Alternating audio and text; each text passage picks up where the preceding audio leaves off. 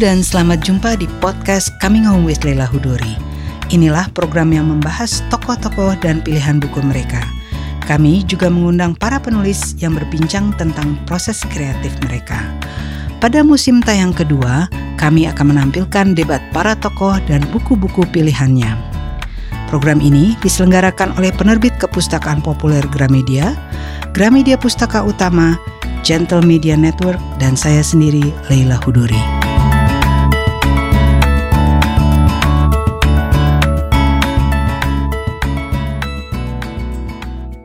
Keluarga Kongguan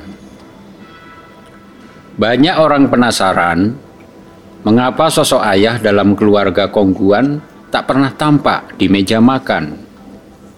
Kata anak laki-lakinya, Ayahku sedang menjadi bahasa Indonesia yang terlunta di antara bahasa asing dan bahasa jalanan. Anak perempuannya menyaut, Ayahku sedang menjadi nasionalisme yang bingung dan bimbang. Si ibu angkat bicara, Ayahmu sedang menjadi koran cetak yang kian ditinggalkan pembaca dan iklan Semoga ayah tetap terbit dari timur ya bu, ujar kedua anak yang pintar itu. Bodoh amat ayahmu mau terbit dari mana, balas ibu. Yang penting bisa pulang dan makan bersama.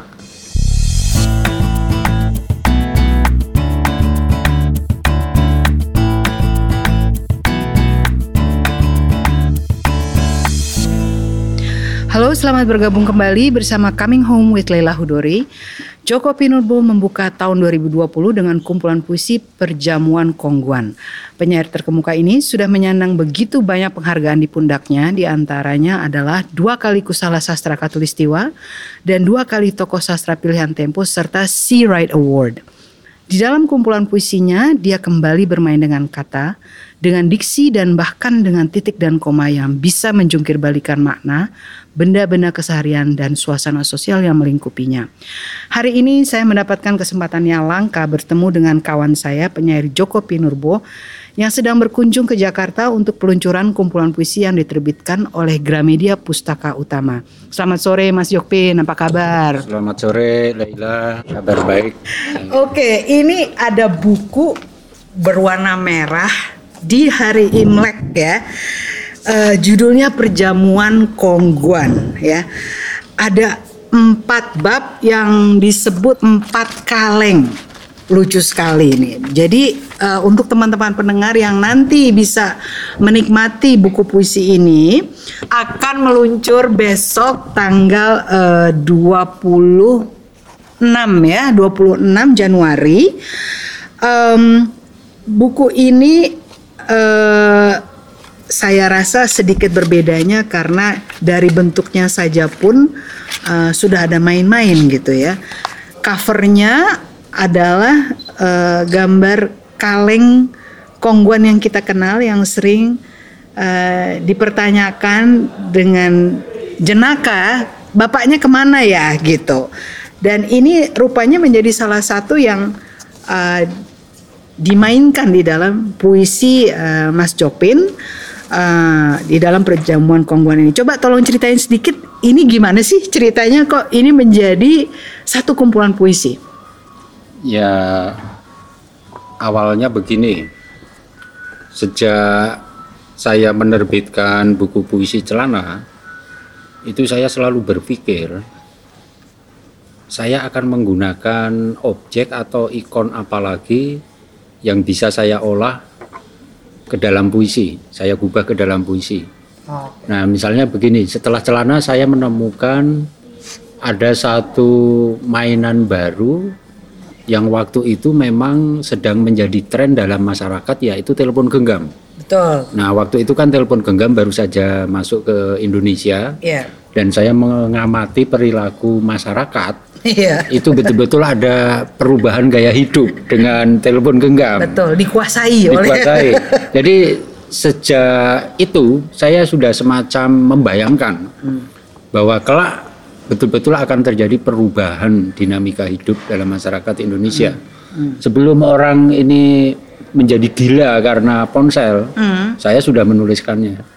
Jadi saya tidak iya betul. saya itu tidak- tahun berapa itu? Itu tahun 2002 2003. Dan sebetulnya saat itu belum segila sekarang. Belum kan? segila Ah. sekarang, tapi imajin- imajinasi saya sudah membayangkan bahwa akan terjadi perubahan besar dalam Iya. perilaku masyarakat dan benar terjadi. Iya, iya. Apalagi udah ada video call, udah ada. Ya sekarang semakin gilanya sudah nggak karuan lagi ya.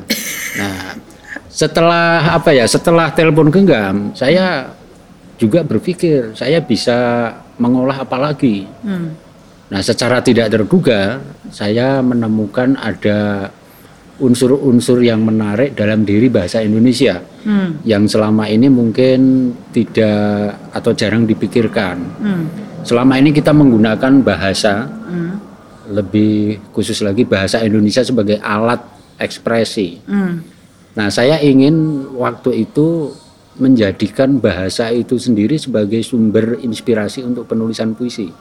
Misalnya eh, dalam buku saya sebelum ini yang terbit tahun 2007 buku latihan tidur Mhm. itu ada sejumlah puisi yang berisi eksplorasi saya terhadap unsur-unsur bahasa Indonesia. Misalnya permainan bunyi kata dalam bahasa Indonesia yang dibolak-balik ternyata itu menarik Mhm. dan bisa menciptakan eh, makna baru. Hmm. Jadi buku latihan tidur itu sebetulnya hasil main-main saya terhadap keunikan bahasa Indonesia. Hmm.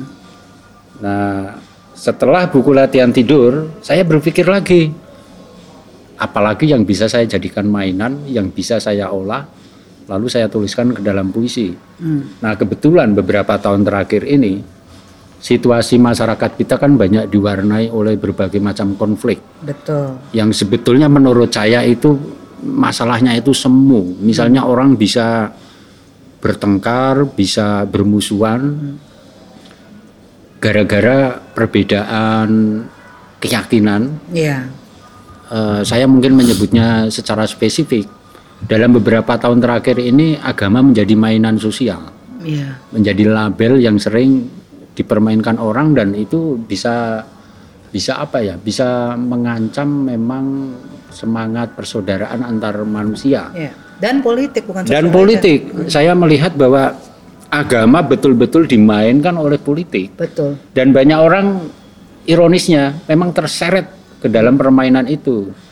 Nah, saya melihat ini satu gejala yang patut direnungkan. Tapi kan saya harus mencari akal. Hmm. Bagaimana cara saya mengolahnya ke dalam puisi supaya puisi saya tidak menjadi puisi jargon Hmm. Atau menjadi puisi yang berisi semacam seruan moral dan sebagainya. Nah, kebetulan juga pada saat bersamaan saya mengamati perbincangan perbincangan di media sosial ada satu candaan yang menurut saya menarik pada saat orang merayakan Idul Fitri kok banyak orang bercanda dengan kaleng kongguan. Iya. Kaleng kongguan isi rengginang. Iya. Nah, saat itulah saya lalu menemukan bahan baru kalau begitu daripada hanya dijadikan bahan candaan saja, lebih baik itu ya saya ambil menjadi bahan penulisan puisi saya. Hmm. Lalu saya melakukan semacam riset riset tertulis. Saya mengumpulkan bahan-bahan yang berkaitan dengan kongguan, misalnya candaan orang ini tentang apa saja.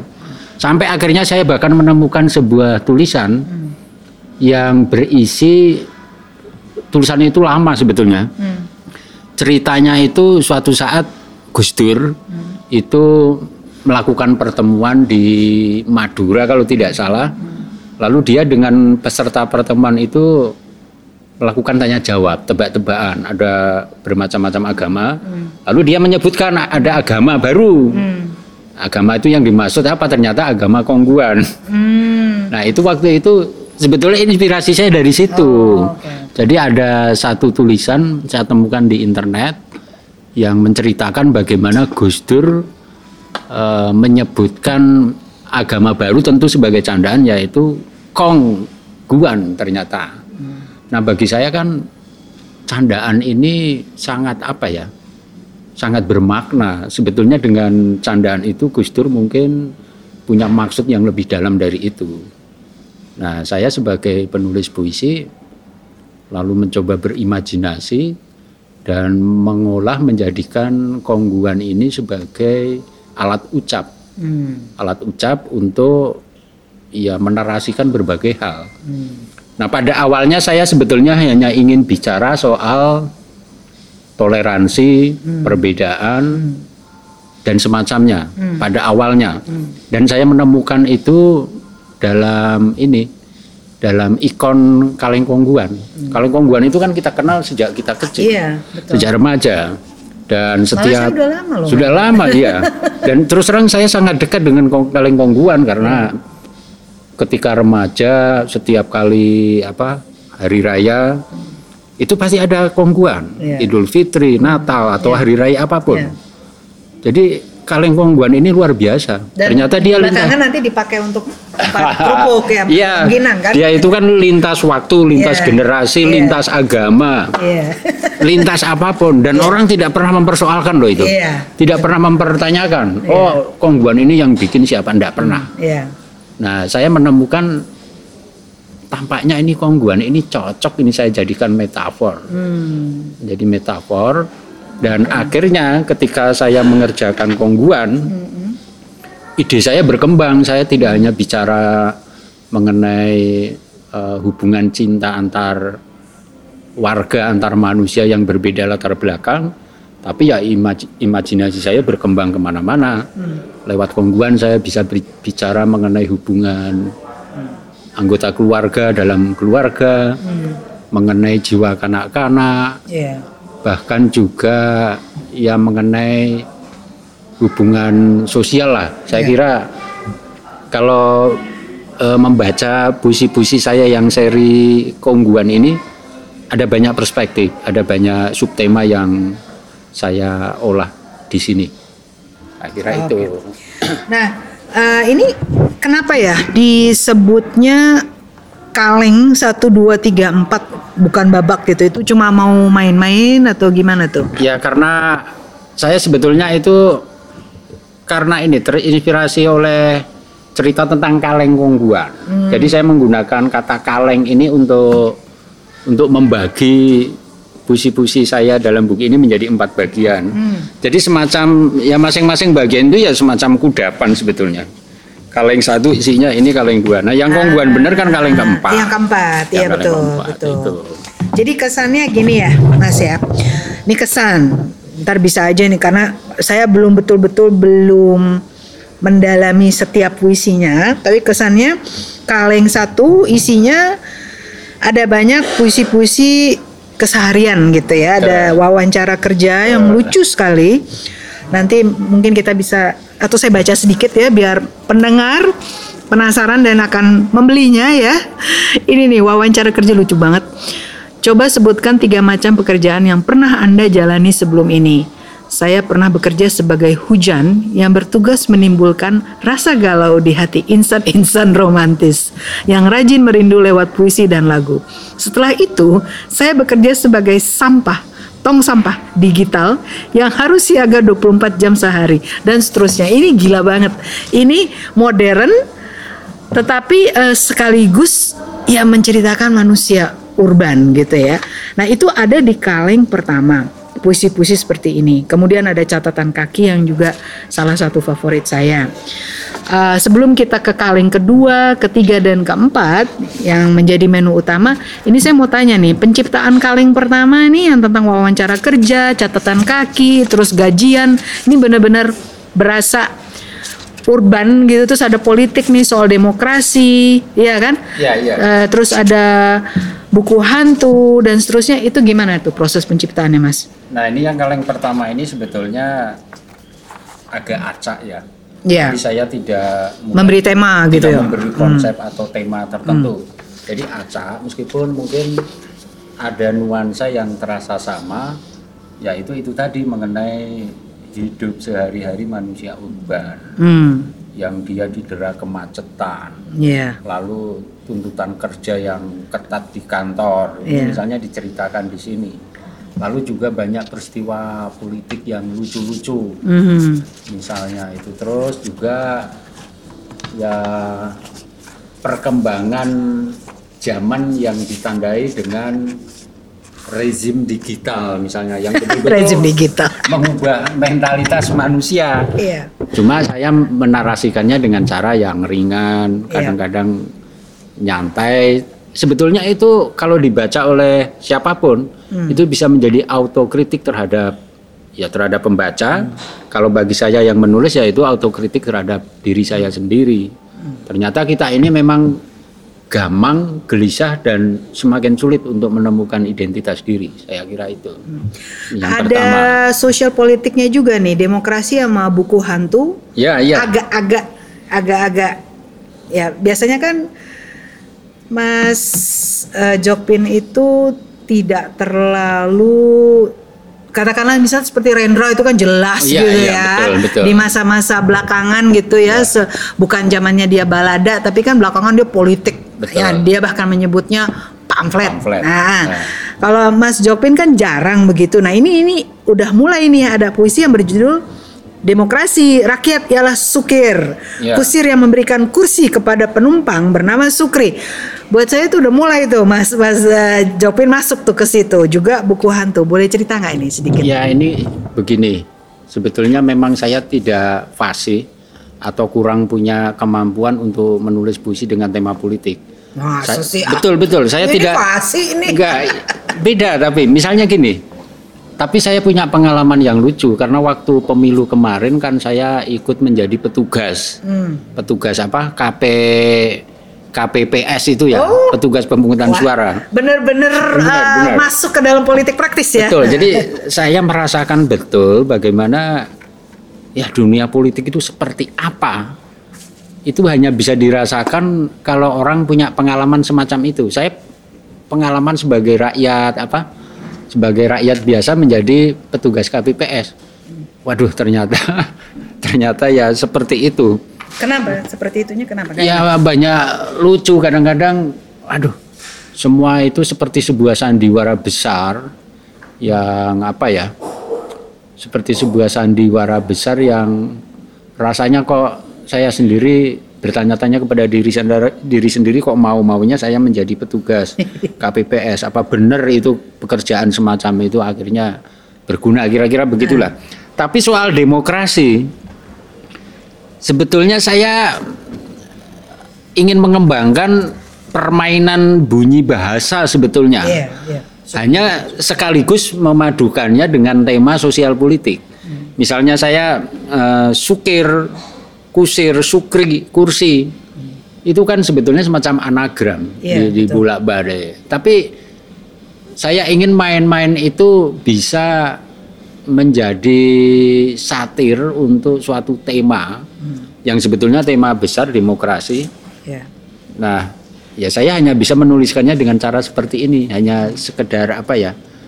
Ya menggelitik, menggigit sedikit-sedikit. Saya tidak punya kemampuan seperti Rendra atau Biji Tukul yang bisa begitu eksplosif eh, menyampaikan ekspresinya mengenai tema perlawanan misalnya. Saya terus terang tidak mampu menulis puisi sosial semacam itu. Oleh karena itu, meskipun sebetulnya puisi saya cukup banyak yang berkaitan dengan tema sosial politik, orang mungkin tidak begitu merasakannya karena cara saya mengungkapkan atau mengekspresikannya memang Lebih berbeda, jenaka ya? lebih Ya, ya, jenaka. lebih jenaka dan lebih tersamar lah. Saya kira itu. Iya. Oke, atau eh, bahasa lainnya kalau Mas Willy eh, Rendra itu apa lantang gitu ya? Iya, iya memang, memang saya tidak bisa seperti Indra. Seperti buku hantu kan sebetulnya ini apa ya? Saya hanya menuliskan ulang apa yang menjadi kekonyolan yang terjadi yang menjadi kegelisahan banyak orang. Buku disita padahal dibaca saja belum. Kira-kira begitu Iya, aja lah. iya. Jadi betapa tingkat literasi kita ini memang masih memprihatin, rendah. sangat rendah. Saya kira Iya, itu. iya. Hanya itu aja. Tapi cuma enam baris tapi luar biasa mengena gitu loh buat saya. Jadi sebenarnya sih lantang juga nih buku hantu nih. Eh, apa eh, nancep gitu ya. Kalau anak sekarang eh, milenial bilangnya jelek. Nah, ya kan? Nah, kaleng ketiga serial Minah. Ini juga favorit saya. Eh, saya senang banget karena ini uh, ya semacam kalau udah ada tokohnya kan enak ya kita ya. Iya, iya. Uh, Minah dengan 2N gitu ya. Mm -hmm. uh, ada lahirnya Minah, ada rumah Minah. Itu uh, menurut saya betul-betul uh, merebut uh, perhatian kita gitu loh kepada tokoh ini. Ini boleh ceritakan juga gimana terciptanya si Minah ini? Iya, iya. Nah, ini yang kaleng ketiga. Saya sebetulnya pengen bicara melalui puisi-puisi saya mengenai literasi. Hmm. Jadi kan isinya sebetulnya mengenai hubungan seseorang dengan buku. Hmm. Hubungan seseorang dengan buku sehingga mungkin kaleng ketiga ini juga kaleng keempat itu terasa lebih lebih kelihatan uh, rangkaian tematisnya karena memang yang kaleng ketiga ini puisi-puisinya bercerita mengenai hubungan seseorang dengan buku. Bagaimana seseorang berhubungan dengan buku sebagaimana dia berhubungan dengan seorang pribadi, manusia. Seorang manusia. Nah, soal nama Mina waktu itu saya bingung lalu saya iseng-iseng buka internet kok ada bintang ada artis Korea namanya Min Ah itu ya hmm. ada Min Ah ya sudah saya ambil saja sebagai nama tokoh tapi N-nya saya jadikan dua Minah itu loh nah waktu itu saya bingung mau memberi nama tokoh apa ya ya udah saya saya iseng-iseng menemukan tokoh yang saya dapat secara acak itu lalu jadilah Mina, jadilah Mina, Mina gitu. dengan N2 dengan N2 itu sebetulnya tidak ada pretensi apa-apa itu hmm. saya bisa diganti siapa pun nama itu ya. kalau diganti siapa pun juga tidak mengubah substansi puisi tidak jadi benar. ini benar-benar uh, buat saya nih uh, kenapa favorit saya nih? Karena hubungan seseorang dengan buku itu uh, saya relate gitu. Saya merasa iya iya iya. dan um, seolah-olah apa yang ada di dalam buku itu adalah hidup. Betul. Gitu kan? Betul.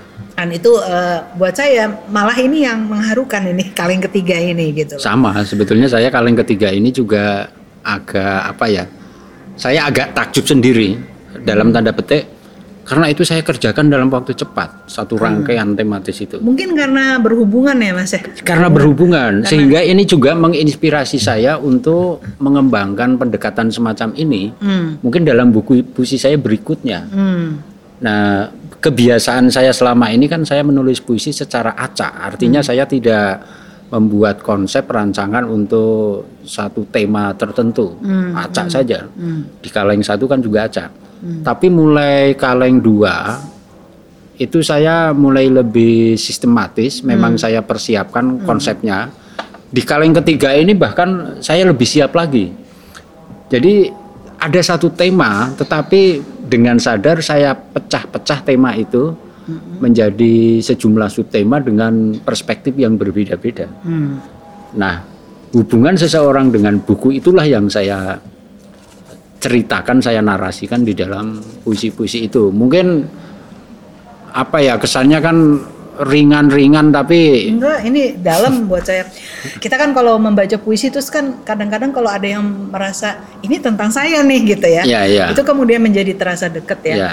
Uh, waktu dulu zaman saya muda saya pernah nulis satu cerpen yang judulnya Adila itu juga seorang anak perempuan umur 14 tahun yang uh, berbincang dengan tokoh-tokoh yang dia baca. Betul dia betul. Ya. Nah, uh, tapi kan itu gelap ya. Uh, si Adila ini gelap karena di endingnya dia bunuh diri gitu. Tapi suatu hari saya pernah berpikir, aku mau ah bikin satu cerita di mana ada tokoh yang memang bertemu dengan tokoh-tokohnya tapi happy gitu loh. Artinya uplifting gitu ya. Jadi pas saya baca ini saya jadi ikut happy gitu bahwa ini ada tokoh Minah yang begitu luar biasa dia dengan si bukunya kan iya kan dan yeah. sampai gurunya juga bertanya kok kamu nangis gitu kan ya jadi uh, ini kalau pakai bahasa anak muda nih yang bagian kalian ketiga nih gue banget gitu loh yeah, saya yeah, banget yeah. gitu ya. oke okay, kita masuk ke yang keempat uh, ini sebenarnya menu utama ya serial keluarga Kongguan ya yeah. uh, tadi kan sebenarnya udah cerita ya uh, kenapa uh, Mas Jokwin menulis uh, keluarga Kongguan ini menulis uh, apa sesuatu atau ikon yang menggunakan metafor kongguan ya. Nah, uh, ini nih sebenarnya meskipun katanya ini tentang toleransi, hmm. uh, kemudian mencoba me, apa ya menunjuk gitu ya, point out bahwa kaleng kongguan atau kongguannya sendiri ini adalah sesuatu yang lintas generasi, lintas waktu ya, ya kan. Ya. Tapi saya juga merasa uh, Mas Jopin ini tetap masih jenaka main-main lucu gitu ya, uh, bermain-main kata di sini lebih banyak dibandingkan bahkan dari yang kalau yang uh, Minah itu kan naratif. Iya, iya. Saya naratif. Ya. Nah, kalau di sini nih banyak main main-main kata seperti uh, puisi-puisi Mas Jopin yang celana. Iya. Itu bisa ceritain tuh gimana tuh soal main diksinya ini. Ya. Nah, kongguan ini mungkin orang apa ya kalau membaca nama kongguan dalam puisi saya orang akan uh, serta merta menganggap saya sedang mempromosikan toleransi ya.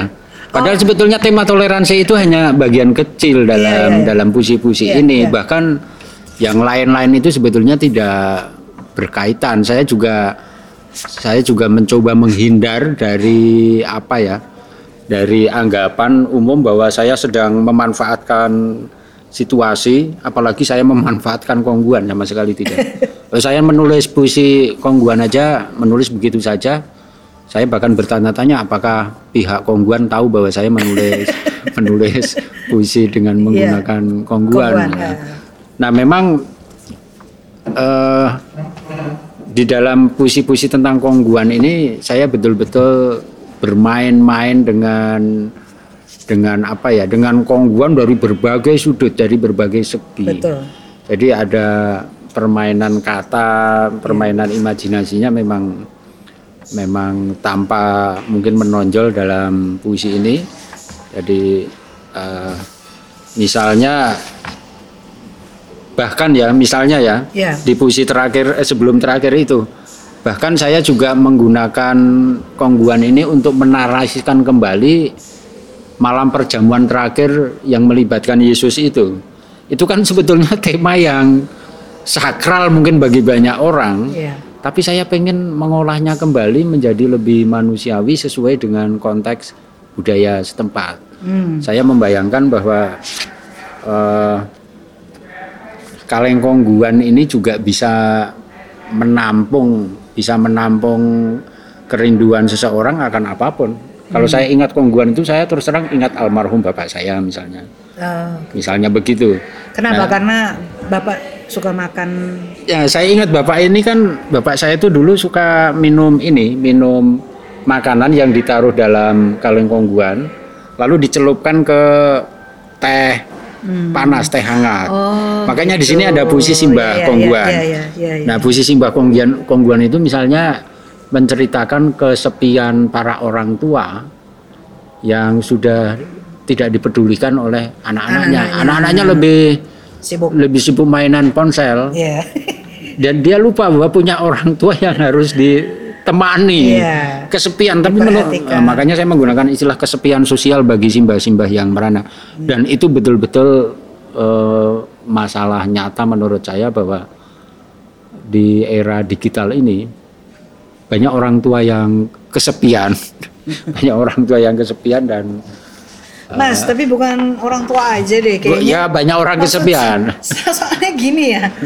Kok jadi saya mau curhat? Ya, enggak apa-apa. Curcol enggak, tapi maksudnya dengan tadi soal telepon genggam, itu bahkan membuat kalau kita bertemu dengan ya. teman, nah. dengan saudara, dengan keluarga, itu kan kemudian mereka sibuk sendiri dengan Betul. handphone ya dengan Betul. makanya itu telepon genggam yang Mas Jokpin tulis tuh emang uh, advance banget gitu loh. Yeah. Udah udah udah menebak gitu apa yang akan terjadi di abad berikutnya atau dekade berikutnya gitu. Jadi selain orang tua kayaknya orang-orang yang menanjak sepuh kayak saya juga merasa begitu bahwa ini kita udah janjian ketemu tapi lu sibuk dengan handphone lu gitu ya, kan. Memang.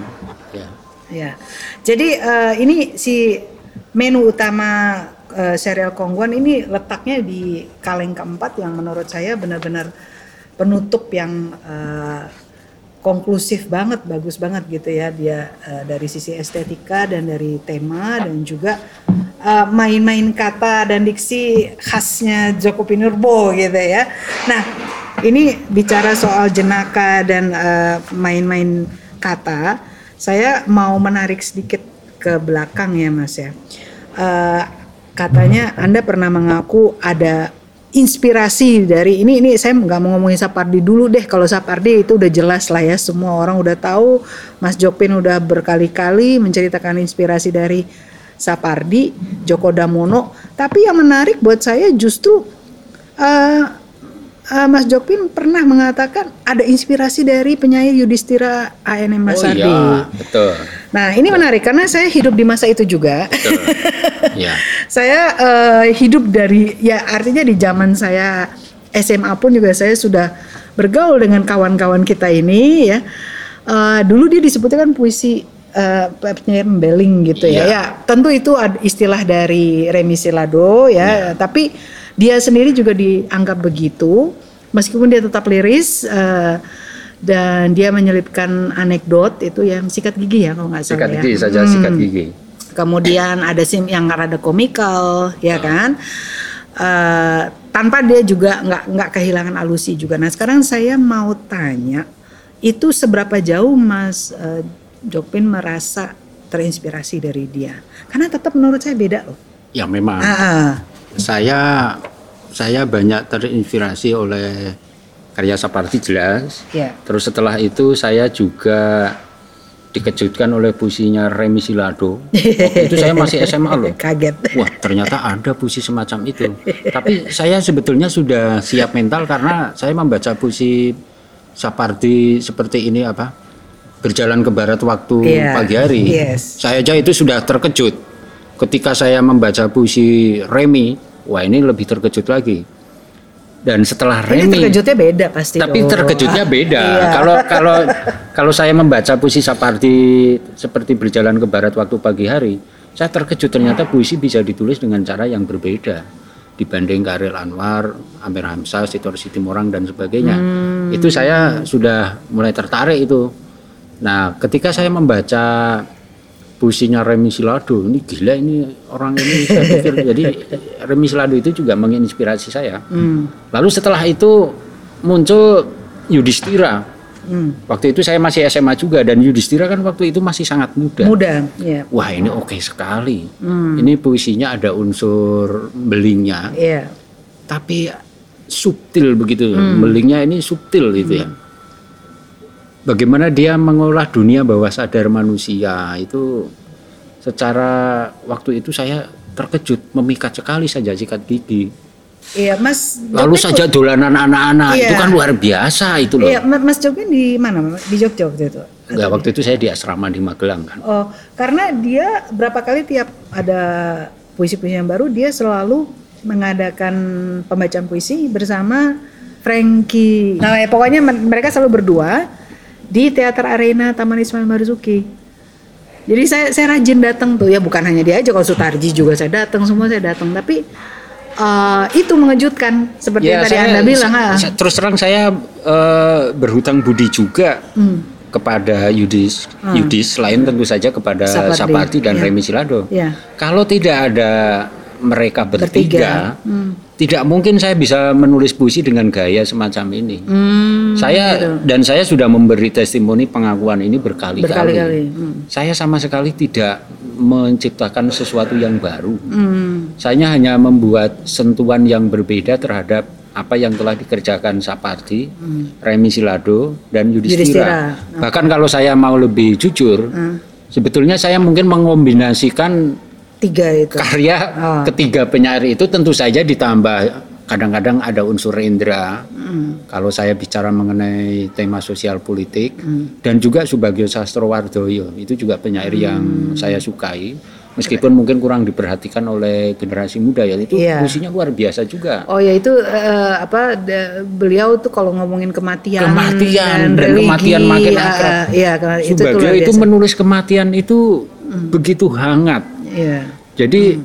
saya mendapat inspirasi memang kematian ini ternyata tidak perlu ditakuti. Hmm. Hmm. untuk pertama kali sejak mem, eh, pada saat saya membaca puisi Subagio saya sadar wah ternyata memang kematian itu ya ya kita hadapi dengan hangat dengan mesra saja lah dan kematian makin akrab. Hmm. Nah saya mau bilang bahwa saya sebetulnya agak keki kalau dikatakan bahwa saya membawa pembaruan.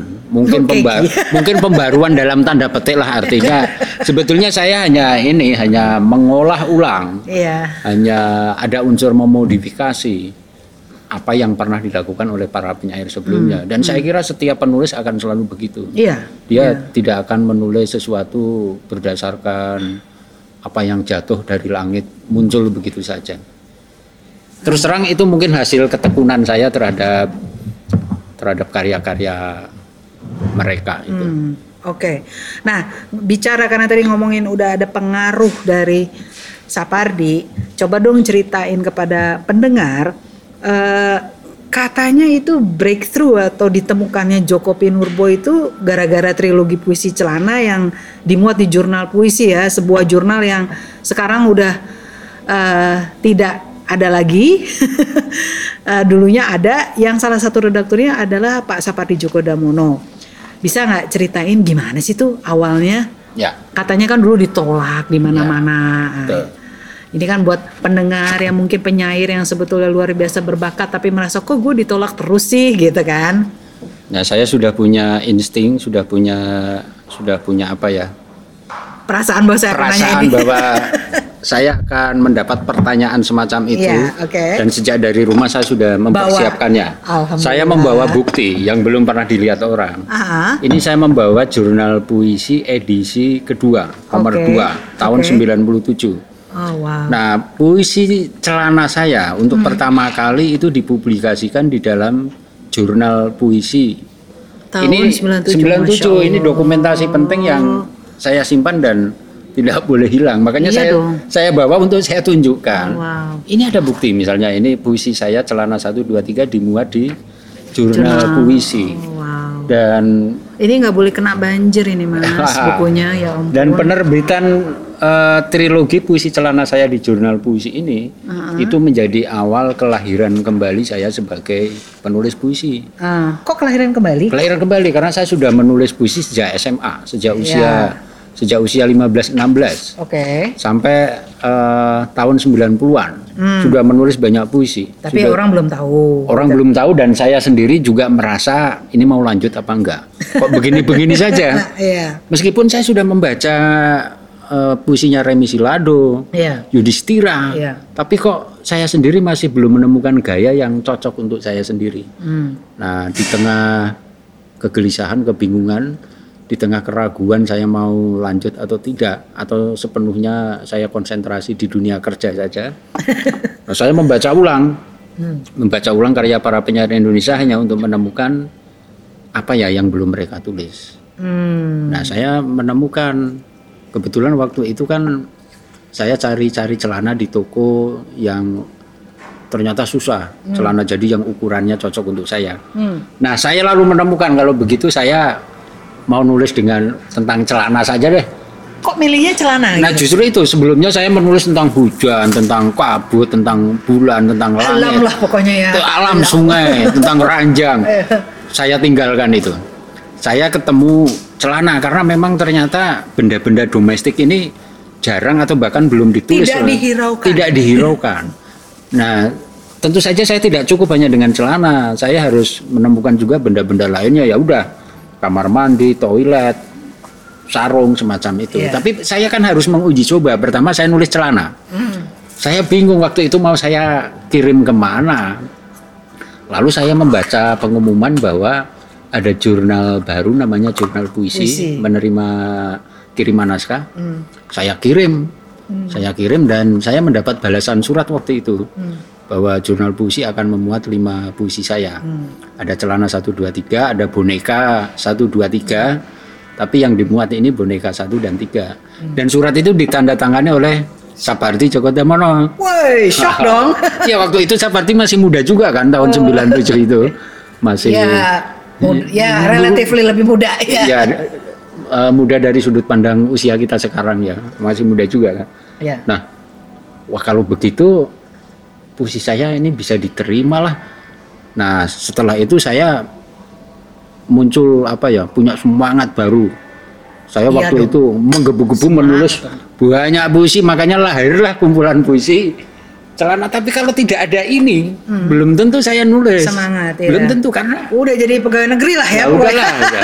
mendingan jadi pegawai aja nah karena ternyata Sapardi saja mau memuat puisi saya Dan menandat- menandatangani menandatangani surat. ya waktu itu kan kalau redaksi itu kalau menerima naskah kan memang dia membalas ya memberi Ya. balasan Zaman itu ya, zaman, zaman itu, itu ya Loh, sekarang kan kita enggak tahu ya. Nggak tahu apa ya, diterima nggak ya?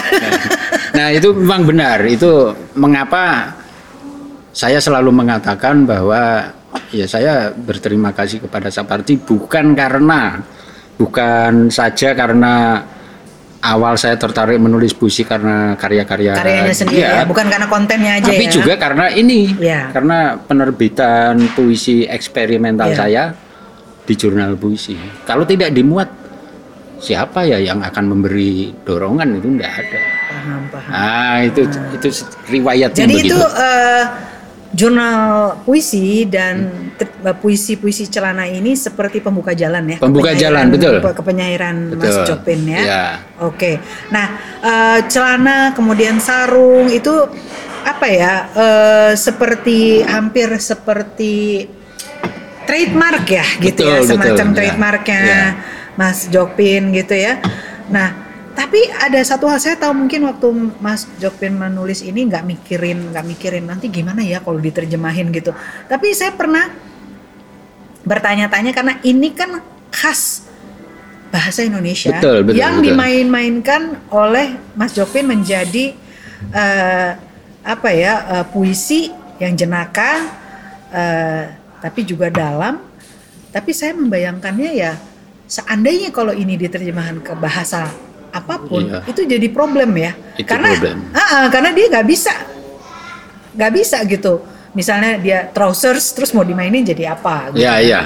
nah itu itu ada satu resikonya juga gitu ya Betul. Ah. Eh, saya menyadari itu. ah Bukan hanya sedikit itu, tapi memang banyak puisi saya yang tidak mungkin diterjemahkan ke bahasa lain Iya. karena sangat sangat khas bahasa Indonesia. iya Nah, waktu iya. pertemuan di Ubud berapa ya dua tahun lalu yang peluncuran laut bercerita itu tahun? Eh, 2017 Nah sebelumnya kan ada sesi sesi apa ya konferensi pers di mana saya juga bicara. Ah. Saya waktu itu terus terang bila men- menyampaikan pengakuan bahwa bahwa memang sebagian karya saya tidak mungkin Susah, diterjemahkan ya. karena Ya. sangat khas bahasa Indonesia. Iya, iya. Apalagi puisi-puisi yang dalam buku latihan tidur itu memang Oh, tidak mungkin karena itu main-main.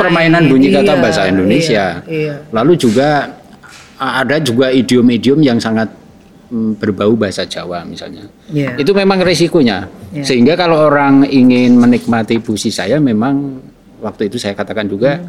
ya seharusnya belajar bahasa Indonesia.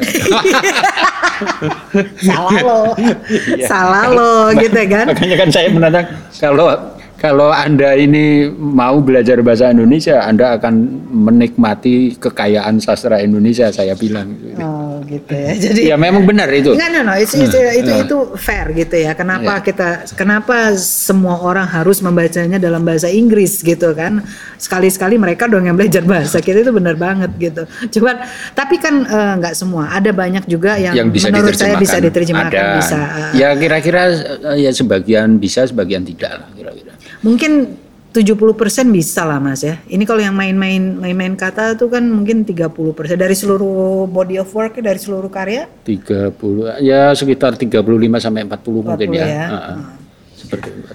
Oke, nggak ini saya tahu bahwa seorang penulis nggak semuanya selalu mikirin ini nanti diterjemahin gimana karena kita kan pertama Saya nulis tidak mikir dulu. bahkan. Ah, Ah, iya, memang iya. kita, itu betul saya setuju. Kita pertama kan nulis dulu, tapi suka problemnya nanti ketika eh mau diterjemahkan gitu. Terus oh, ini ini gimana ini bahasa Ah, gitu kan suka ada pertanyaan seperti itu.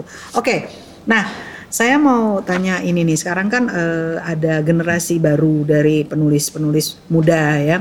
Muda tuh maksudnya lebih muda dari kita lah Ya, gitu ya. usianya Kalau- ya. usianya lebih muda dari Eh, dan di dalam eh, fiksi juga eh, luar biasa banyaknya di dalam eh, puisi juga. Em, dan ini generasi-generasi yang uh, baru ya, yang artinya uh, generasi internet. Mereka uh, mungkin lahir atau tumbuh dengan uh, mengenal internet sebagai bagian dari hidup mereka. Kalau kita kan buku sebagai hidup bagian dari hidup kita gitu ya. Nah, itu pendapat Mas Jopin gimana dengan yang muda-muda ini kayak Dedi Arsya, Mario Lawi, An Mansur, Beni Satrio dan semua penulis-penulis penyair-penyair itu gimana? Ya, yang pertama jelas referensi mereka paling tidak dibandingkan dengan saya itu lebih kaya dan bervariasi. Mm -hmm. Karena saya kan tumbuh dan dibesarkan dalam budaya yang belum tersentuh oleh internet ya.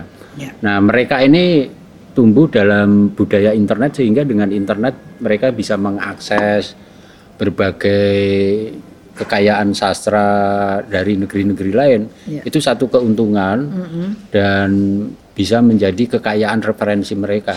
Mm. Nah kalau generasi saya kan memang dulu ya mau nyari buku saja susahnya bukan mm. main itu yang pertama. Lalu yang kedua meskipun mereka ini hidup di era digital. Mm saya cukup heran dan takjub juga karena para penyair muda ini ternyata masih punya perhatian yang besar misalnya terhadap tema-tema lokal. Oh.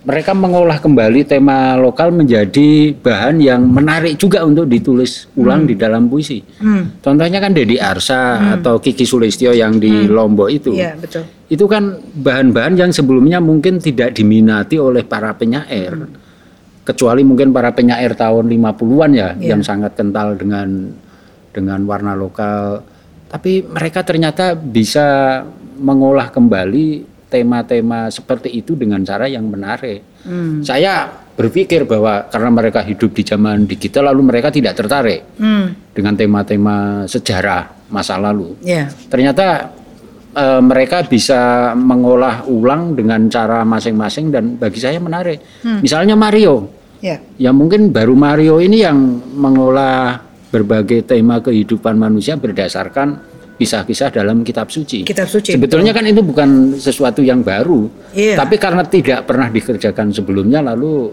menjadi menarik bagi saya. Tapi sebagai Susasuwardoyo kan juga Susasuwardoyo ya, juga. Nah, ya. itu artinya gini, ternyata mereka juga bisa melakukan apa yang pernah dilakukan oleh Subagio hmm. dengan dengan sentuhan e, bahasa mereka sendiri. Saya kira itu. Hmm. Nah, ini juga apa? Ini juga semakin menguatkan apa yang saya katakan bahwa memang tidak ada penyair yang betul-betul dia muncul dengan kebaharuan yang mutlak. Hmm. Bahkan penyair-penyair muda yang tadi disebutkan pun masih menunjukkan benang merahnya dengan karya para penyair sebelumnya. Artinya hmm. mereka betul-betul belajar sejarah sastranya sastra bangsanya sendiri juga ah, okay. kelihatan. Gitu. Jadi uh, perbedaannya mereka sekarang uh, kaya referensi karena kaya referensi ya, karena, karena teknologi, uh, teknologi ya. dan ya. sebagainya. Tapi juga mereka menemukan hal-hal uh, yang lokal itu bisa mereka olah bisa, gitu bisa ya. Bisa olah. Uh, jadi. Oke, okay. uh, tapi gini ya, misalnya yang uh, angkatan di masa lalu ya, setelah Rendra, uh, Sutarji Kalzumbahri dan sebagainya. Kemudian ada Afrizal Malna ya di yeah, yeah.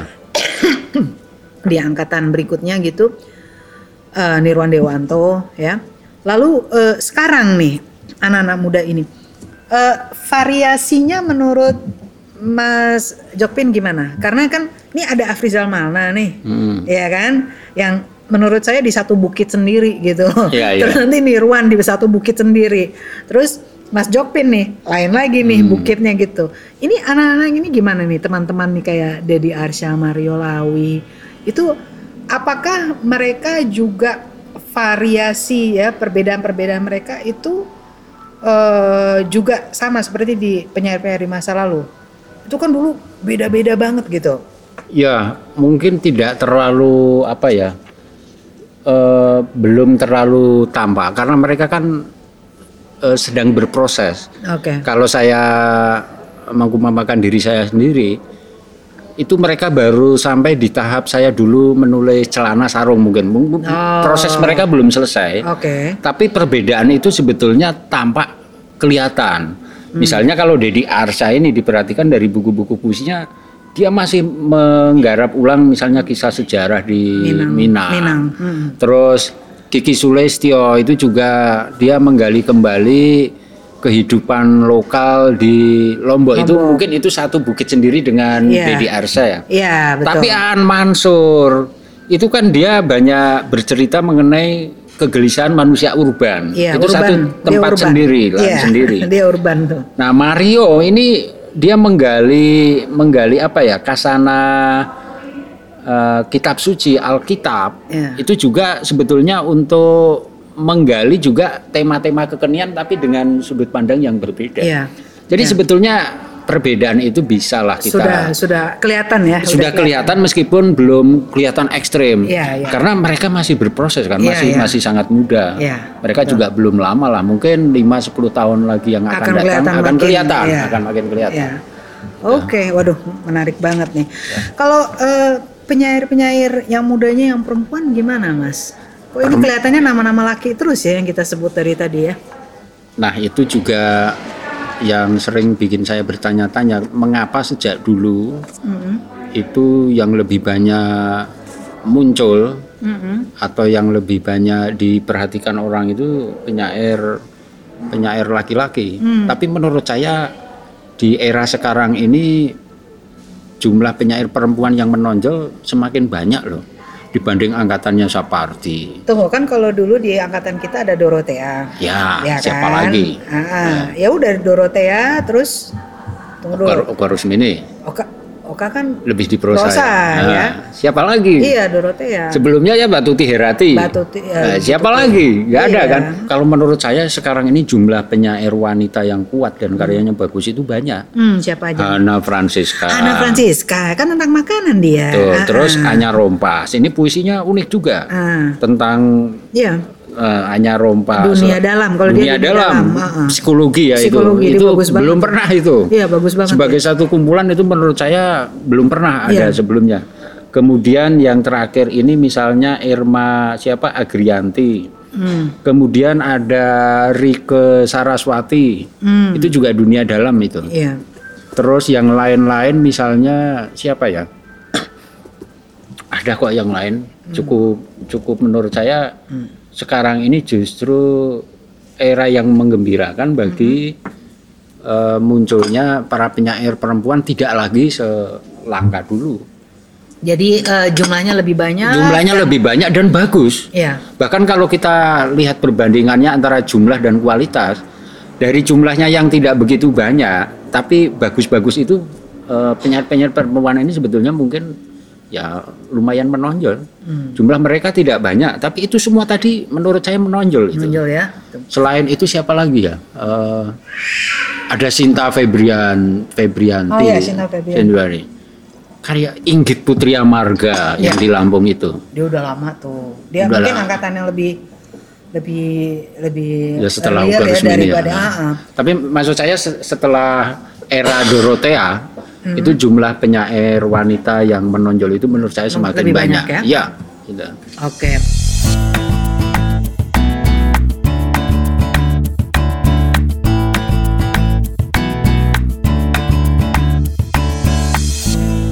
Kita harus menjawab pertanyaan eh, audience, pertanyaan netizen. Ya, ada dua nih mas. Pertama dari Ed Falada 19, mengapa karya sastra angkatan sebelum 2000-an sangat terkenal dan kerap dijadikan referensi sastra? Ya, itu karena karena karya-karya mereka kan mungkin dijadikan bahan di pelajaran sekolah karena kurikulum. Yang sebelum 2000-an? Sebelum Enggak semua lah gitu. Ada yang sudah, ada yang belum. Maksudnya lebih terkenal gitu kan. Bukannya karena ya karena mereka udah duluan aja kali ya. Saya kira karena lebih duluan, Hmm. tapi menurut saya justru karya para pengarang sekarang ini lebih cepat dikenal. Iya, malah. jalannya dibanding lebih dibanding yang kita alami.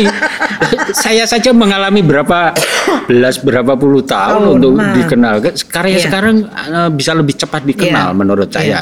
Itulah. Mm-mm. Karena udah ada yang namanya follower. Follower sudah ada media sosial dan Iya, iya. dulu itu mana ada acara peluncuran buku tidak ada Iya, loh nggak ada, zaman dulu itu. ada. Saya malam terakhir dulu nggak pakai tuh diluncur-luncurin. Cuman ada diskusi sih, ada Iya. diskusi tapi nggak ada peluncuran. Sekarang ini karya belum terbit sudah dikenal dulu, sudah judulnya sudah beredar dulu. gitu. Nah, misalnya itu. iya iya iya. Jadi em, mungkin maksud dia itu yang tadi Mas eh, Jokpin bilang bahwa eh, ada yang masuk ke dalam kurikulum gitu kali. ya. Iya, kalau karya yang masuk ke dalam kurikulum itu pasti dikenal oleh anak-anak muda. Iya. Meskipun saya ingin memberi catatan, Hmm. pembaca-pembaca sekarang, anak-anak milenial itu, itu betul-betul pembaca-pembaca yang dalam arti tertentu independen. Mereka tidak Iya. bisa didikte bahkan Nggak oleh bisa. gurunya. Mereka sudah punya kecerdasan sendiri untuk memilih bacaan mana yang mereka anggap layak untuk Dan dibaca juga itu. ini saya perhatikan mereka juga nggak peduli sama review. Betul, Yang mereka, betul, mereka betul. mau reviewnya kayak apa dari dari mana dari Betul, betul. mereka lebih peduli sama pendapat temennya. Betul. Jadi kalau lihat sosmed, eh gue lagi mau ini nih mau baca eh, apa ya rekomendasinya. Nah Iya. terus udah nanti beberapa temennya bilang baca puisinya Jokpin atau baca Betul. ini baca itu baca itu terus oh kenapa terus nah itu mereka lebih percaya sama si temen itu Selain mereka juga kurang percaya pada review, mungkin mereka juga nggak peduli dengan kritikus kok. Betul itu loh. Mengapa sekarang kritikus langka? Karena para Udah pembaca, over. para pembaca itu udah, apa udah lo urusan gue lah. Kenapa aku beli buku ini? Nah, Iya, itu iya. nggak bisa. Iya. Ini eranya sangat berbeda. Iya, ini era yang gawat. Di zaman kita ini dulu kita mau beli buku itu sudah jelas di kurikulum, Iya. di bukunya Tiu Abi Yasin. Iya, kita dengerin HB Yasin. Kita dengerin HB Yasin, udah. Atau kita baca di media, Ya, oh, oh, ini- katanya Kompas sama Tempo begini. gitu. Anak sekarang mana peduli? Nggak peduli, Nah, nggak, jadi nggak peduli. Itu. Pokoknya kata temennya. Hmm. ya, oke. Semoga Falada 19 eh, apa namanya memahami, menjawab pertanyaannya. Lalu yang pertanyaan kedua, eh, Martinus Danang, mengapa Jokpin kini menerbitkan novel pertamanya Sri Menanti setelah sekian banyak puisi? Nah, Nah, ya, Sri, Sri Menanti ini ada latar belakang khusus. mm-mm. Saya awalnya menulis puisi berjudul Laki-laki tanpa celana itu dalam buku puisi telepon genggam tahun 2003. Mm-mm. Nah, puisi saya ini sebetulnya merupakan hasil eksplorasi terhadap puisi Sapardi yang berjudul pada suatu pagi hari. Oke. Jadi saya menulis puisi di atas puisi orang lain. Oke.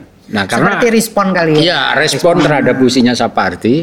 Karena puisi Sapardi ini kan misterius. Ada tokoh yang ingin menangis di sebuah lorong saat hujan rintik-rintik. Dia ingin menangis sendiri saja dan tidak ingin orang bertanya kenapa. Tokoh itu siapa tidak jelas. Mengapa dia ingin menangis tidak jelas. Jadi di situ ada semacam ruang sunyi. Nah, saya ma- masuk ke ruang sunyi itu lalu dengan imajinasi saya Oke. saya menciptakan tokoh, menciptakan peristiwa. Oke. Nah, maka lalu puisi itu saya kembangkan menjadi cerpen. Judulnya Sebotol Hujan Hmm. untuk Sapardi. Itu pengembangan dari puisi. Oke. Nah, cerpen itu Yang di kemudian Kompas ya? yang di Kompas.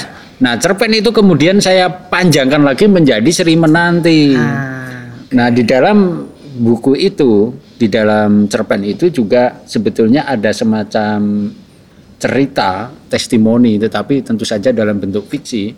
Bagaimana seseorang jatuh cinta pada sastra karena dia terpukau Hmm. pada karya seseorang yang dibacanya. Oke. Dalam hal itu misalnya saya pertama kali tergetar karena membaca puisinya Sapardi yang berjudul Dukamu Abadi. Ya, itu dong. Awak. Ah, jadi Sri Menanti sebetulnya eksplorasi terhadap puisi Sapardi yang berjudul pada suatu pagi hari sekaligus juga semacam bagaimana ya itu semacam riwayat yang sifatnya imajiner bagaimana sebuah bacaan memang bisa mempengaruhi hidup seseorang. Oke.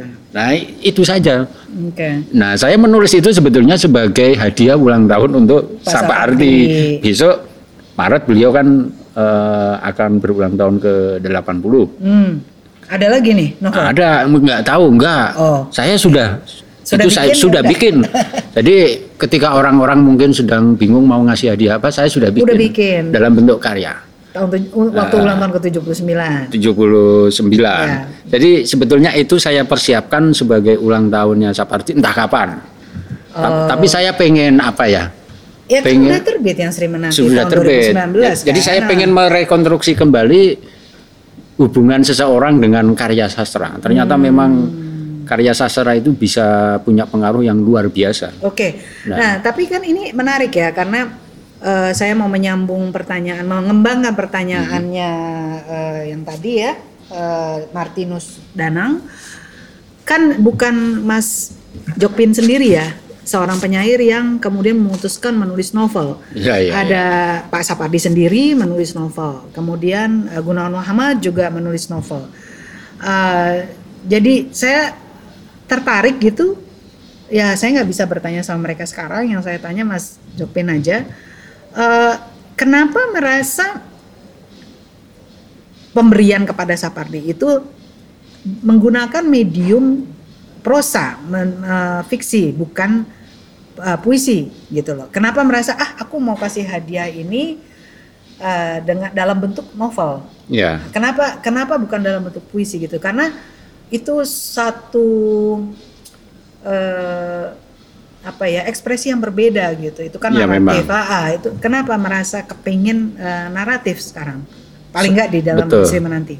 Nah, puisi dan prosa kan masing-masing punya keunikan dan kekuatan sendiri ya. Iya betul. Saya merasa bahwa kisah atau hu- kisah mengenai hubungan saya dengan karya sastra dalam hal ini karya Pak Sapardi Iya. sangat sulit diakomodasi dalam bentuk puisi. Ah. Karena itu harus diuraikan, harus dijabarkan, harus diceritakan. Oke. Nah, Jadi materinya materi Materi materi yang iya. cerpen dan novel lah ya. Nah, meskipun setelah saya menulis Sri Menanti, buku cerita yang merupakan eksperimentasi saya juga, saya merasa ternyata saya apa ya? Saya mempunyai kesulitan juga menulis prosa. Hmm. Ternyata saya sangat sulit untuk bisa bawel dalam tanda petik. Karena prosa ini kan menguraikan. Iya ya. Sementara puluhan tahun kan saya bekerja untuk untuk menyerap, Mhm. untuk menyerap, menyuling dan lalu mengendapkan. Jadi memang Menyuling. modusnya eh, apa ya? Menyuling itu sublimasi ya. Iya, iya, iya, Jadi sublimasi. memang modusnya berbeda. Hmm. Nah, keterampilan bertutur, menguraikan peristiwa, menguraikan tokoh ternyata memang tidak mudah itu. Iya. Itu memang saya merasakan saya masih belum fasih dalam soal itu. Hmm. Saya terbiasa menulis puisi-puisi naratif tapi dalam bentuk yang pendek karena itu sangat berbeda. Iya iya. Kalau di puisi kan saya hanya bisa fokus pada satu hal spesifik. Iya. Di prosa kita kan harus menguraikan. Oh dituntut. Nah, eh, itu itu loh. gerak-geriknya, bahasanya. Ya itu dua hal yang berbeda. Jadi mengapa saya menulis cerita? Eh, karena memang itu sangat sulit untuk ditampung dalam puisi. Kisah mengenai bagaimana seseorang terpukau pada karya sastra sampai dia menjadi gila misalnya itu. Hmm. Nah itu. Oke. Nah, ini eh, setelah pertanyaan audiens, eh, selalu ada satu pertanyaan yang saya tanya kepada semua narasumber saya. Eh, setelah itu kita minta Mas Jopin reading ya. Eh, pertanyaan itu susah-susah gampang, yaitu buku apa yang paling mempengaruhi atau yang paling dikenang atau yang paling melekat di hati seorang Joko Pinurbo. Tentu saja buku puisinya Sapardi Dukamu Abadi. Oke. Itu buku yang saya beli berkali-kali Karena hilang. Karena setiap kali beli saya tunjukkan kepada teman, ini lu ada puisi bagus, dipinjam nggak kembali. Saya beli itu sampai yang terbitan Pustaka Jaya itu ya, itu sampai tiga kali saya beli. Lalu setelah itu saya beli yang versi bentang Hmm. dan kemudian saya beruntung bisa mendapatkan versi perdana yang ditajak oleh Yehan itu. Hmm. Itu saya punya juga dokumentasinya yang yang lukisannya Jehan untuk cover itu Iya, yang iya, iya, sangat iya, sederhana. Saya punya dan itu saya simpan baik-baik. Oke. Terus terang itu buku pertama yang membuat saya penasaran pada puisi dan benar-benar mendorong saya pengen juga tergerak ya. Meskipun sebelumnya saya sudah membaca Kairil Iya, dan iya, lain-lain, iya, iya. tapi saya belum belum tergerak. Oke. Oke. Nah, itu. Satu, eh, nggak ada lagi yang lain mungkin selain Sudukamu Abadi mungkin Ya, nah, di masa kecil gitu kan kita bertemu buku di masa kecil kan pernah Aduh, masa kecil saya ini kan jauh dari buku. Masa Saya kan lahir di daerah pelosok Sukabumi di tengah perkebunan karet karena bapak saya merantau ke sana. ya. Tidak ada buku. Oh. Tetapi saya pernah menyebutkan bacaan yang pertama-tama memperkenalkan saya dengan dunia aksara, dengan dunia literasi adalah majalah Intisari. Ah. Saya sangat majalah Intisari eh, lowaan loh itu bekas ya. Oh, oke. Karena tiap tiap bulan kan bapak saya pergi ke kota ke Sukabumi Ya. untuk rapat di yayasan lalu pulangnya itu ngasih saya oleh-oleh majalah Intisari yang mungkin sudah tidak diperkeluhan di yayasan. Nah, itu untuk pertama kalinya. Dan Intisari waktu itu kan isinya macam-macam. Ya, hal-hal yang human interest. Iya, mana gitu itu ya. terus terang. Selain dukamu abadi, tapi perintisnya sebetulnya majalah Intisari. Intisari. Wow. itu saya tidak punya buku spesifik karena memang masa kecil saya jauh dari dunia buku. Saya baru mengenal dunia buku itu ketika masuk di SMA di asrama. Apa buku apa? Ya itu tadi ada buku apa pun banyak sekali. Jadi karya sastra para pengarang Indonesia termasuk terjemahan itu, misalnya seri terjemahan puisi dunia Taslim Ali itu saya baca Oh. ketika saya di Yang SMA. puisi-puisi dunia. Puisi itu. dunia. Oh my god, saya punya dua, ada dua jilid ada kan? dua jilid. Itu terjemahannya luar biasa. Nah, itu saya baca ketika SMA. Saya juga baca dulu di SMP, Iya. kemudian eh, ketika saya akhirnya ke luar negeri untuk eh, apa? Saya dapat beasiswa itu, saya baca aslinya. Yang Iya. kids itu saya baca aslinya. Itu terjemahannya luar biasa bagus loh Taslim Ali. itu harusnya itu diterbitkan ulang gitu. Iya, luar biasa. Bagus. itu. belum belum ada yang nandingin tuh terjemahan dia. tuh. Nah, itu saya sangat terbantu lah Waduh, itu. seneng nggak karena karena ada yang mengenal juga Universitas. Iya, saya saya baru benar-benar mengenal dunia buku itu ya ketika masuk SMA tinggal di asrama. Hmm, Kalau SD itu yang saya kenang karena bapak saya sering membawakan saya oleh-oleh Hmm. majalah Intisari itu. Itu yang berjasa pertama kali itu Iya. majalah Intisari. Dan isinya waktu itu memang menarik lah itu. Iya. Sampai ke iklan-iklannya pun saya baca itu. Oke, Mas. Jadi nah, kita minta Mas em, Jokpin membaca satu puisi yang mana aja pokoknya yang layak untuk endingnya. Oke, agama kongguan. Rengginang bersorak ketika agama-agama menyatu dalam kaleng kongguan. Terima kasih. Waduh, makasih banget eh, Mas Jokpin. Kita udah ganggu nih satu sore di Jakarta Eh, menjelang eh, peluncuran. Semoga suatu hari kita bisa mengganggu lagi di karya yang berikutnya. Tahun depan ada lagi ya Mas ya? Oh, tahun depan mungkin saya masih retret lah. Oh gitu ya. Cas baterai dulu lah. Tapi saya juga senang. Hmm. Eh, secara khusus saya senang dengan bincang-bincang ini. Mhm.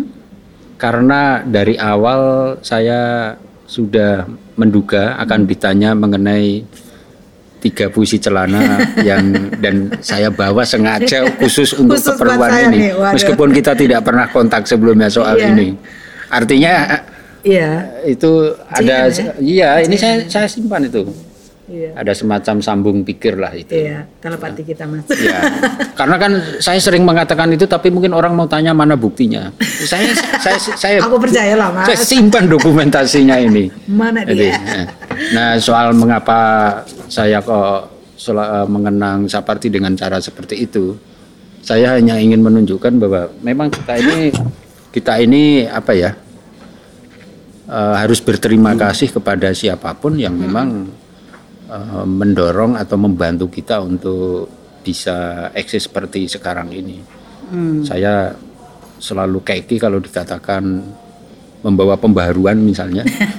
Ya nggak apa-apa itu kan komplimen Mas. Ya, Pujian. Ya oke lah, tapi tadi juga saya katakan bahwa dalam tanda petik pembaruan yang saya lakukan ini juga saya kembangkan di atas karya para pendahulu saya. Hmm, iya iya. Dan itu malah bagus eh, apa mengakui eh, inspirasi-inspirasi sebelumnya gitu. Ya. Eh, apa memberi acknowledgement. Mas, boleh saya tanya satu lagi ya?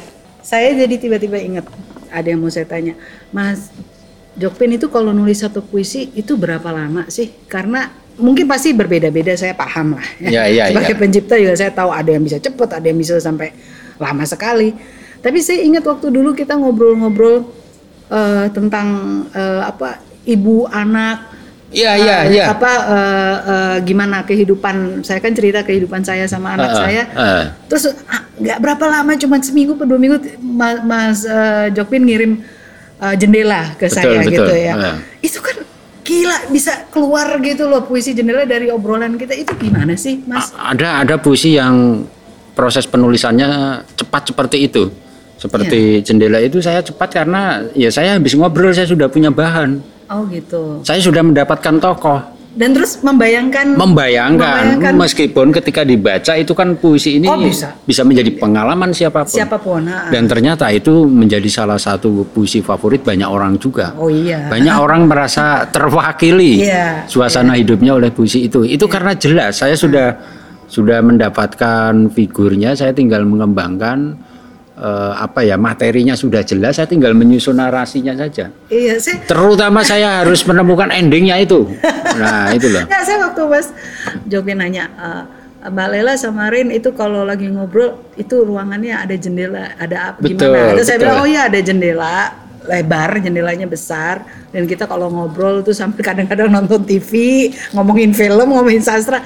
Dan, saya kan nggak kirain ah ini pertanyaan temen, nggak taunya dua minggu, oh my god gitu. Ingat kan terus kirim Betul, jendela. betul. Sa- sa- Dan iya. sampai si Rin ini sekali apa terharu banget gitu loh. Saya sendiri suka dengan puisi itu. Oh itu Ba- banyak orang juga suka. Iya. Dan terutama yang di luar dugaan saya, saya bisa menciptakan ada satu kalimat kita adalah cinta yang berjihad melawan Iya, trauma. Iya, iya. Nah, kalimat itu bisa diucapkan untuk konteks apa pun. Iya, banget. Nah, itu waduh saya happy banget bisa menemukan merangkai kata seperti itu. Iya. Iya, itu yang paling mengena yang bikin Ya, kita itu- sama-sama terharu gitu loh. Wah, gila nih orang. gila Ya, gitu. Itu, itu, eh, makanya kalau orang bertanya sumber inspirasi puisi saya apa, eh, bisa dari mana pun. Hmm. Saya ini orang yang bisa apa ya, bisa sangat sensitif pendengaran saya, ima, imajinasi saya. Kalau mendengar ya cerita sehari-hari ketemu orang lalu dia cerita itu bisa saya serap. Maka tadi saya mengatakan em, menulis puisi itu menyerap pertama kali itu. Hmm. Nah kongguan ini ada berapa sekitar dua bulan puisi itu saya tulis hanya dalam waktu dua bulan. Karena bahannya udah jelas. Saya kan tadi mengatakan Iya, saya iya, melakukan iya. riset Kalau saya jelas. membaca membaca anekdot tentang Gus Dur, Hmm. tentang bagaimana kongguan pada saat hari raya Idul Fitri. Saya Hmm. sudah punya banyak bahan. Tapi kan saya harus mengembangkannya supaya ada banyak tema, bukan Iya. sekedar bercerita tentang toleransi. Iya, iya. Makanya macam-macam bukan hanya tentang Oh, toleransi. itu masuk keluarga. Masuk keluarga. Soal, eh, soalnya tadi kesepian. Kesepian, ma- macam-macam lah itu. teknologi dan Saya- seterusnya. nah, saya kira itu. Jadi itu cepat. Yang Mina ini mungkin lebih cepat lagi. Oh gitu. Itu mungkin karena itu kan sudah jelas. eh, hanya saya belum menemukan nama tokoh aja, tapi bahwa ada tokoh itu bisa siapa pun, Iya, iya, iya. bisa iya. diganti oleh pembaca.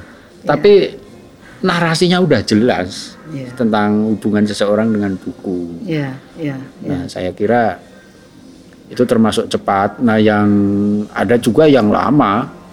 Hmm. Saya pernah menulis puisi Mei tentang tragedi Mei itu sampai dua tahun baru jadi. Hmm. Dan banyak puisi juga berbulan-bulan baru jadi.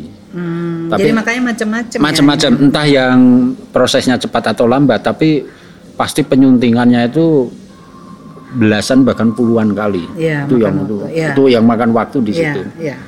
Ngerti saya itu. Penyuntingan itu yang Oh, bagiannya. penyuntingan nah, dan yang sering dilupakan orang kan proses penyuntingan Iya, itu. dikirain jadi langsung. jadi ya. langsung. Enggak. Saya enggak ya itu loh. Enggak, pasti itu diutak-atik lagi. Ya, itu. Oke, makasih banget eh, Mas Jopin menyediakan waktu buat kita.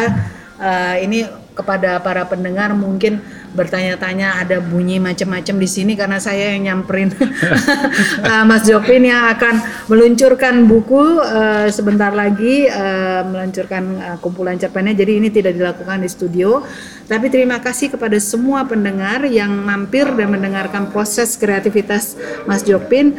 Uh, kalau mampir ke Gramedia silahkan um, karena ini bukunya menonjol merah jadi tinggal di sambar gitu ya uh, dan uh, semoga kita bisa berbincang lagi dengan Mas Jopin uh, suatu hari tentang puisi. Uh, terima kasih ya Mas Jopin. Sama-sama. Sampai Laila. jumpa ya. Rabu depan. Bye bye.